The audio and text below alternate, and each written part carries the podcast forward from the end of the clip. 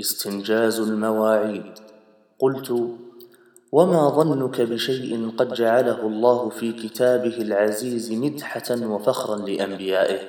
فقال واذكر في الكتاب إسماعيل إنه كان صادق الوعد.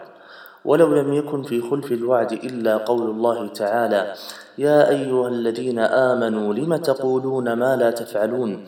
كبر مقتا عند الله أن تقولوا ما لا تفعلون لكفى.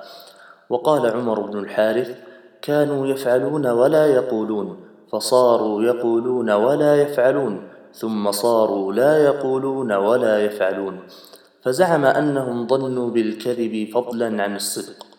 ويعجبني قول العباس بن الأحنف ما ضر من شغل الفؤاد ببخله لو كان عللني بوعد كاذب صبرا عليك فما أرى لي حيلة إلا التمسك بالرجاء الخائب سأموت من مطل وتبقى حاجتي فيما لديك وما لها من طالب.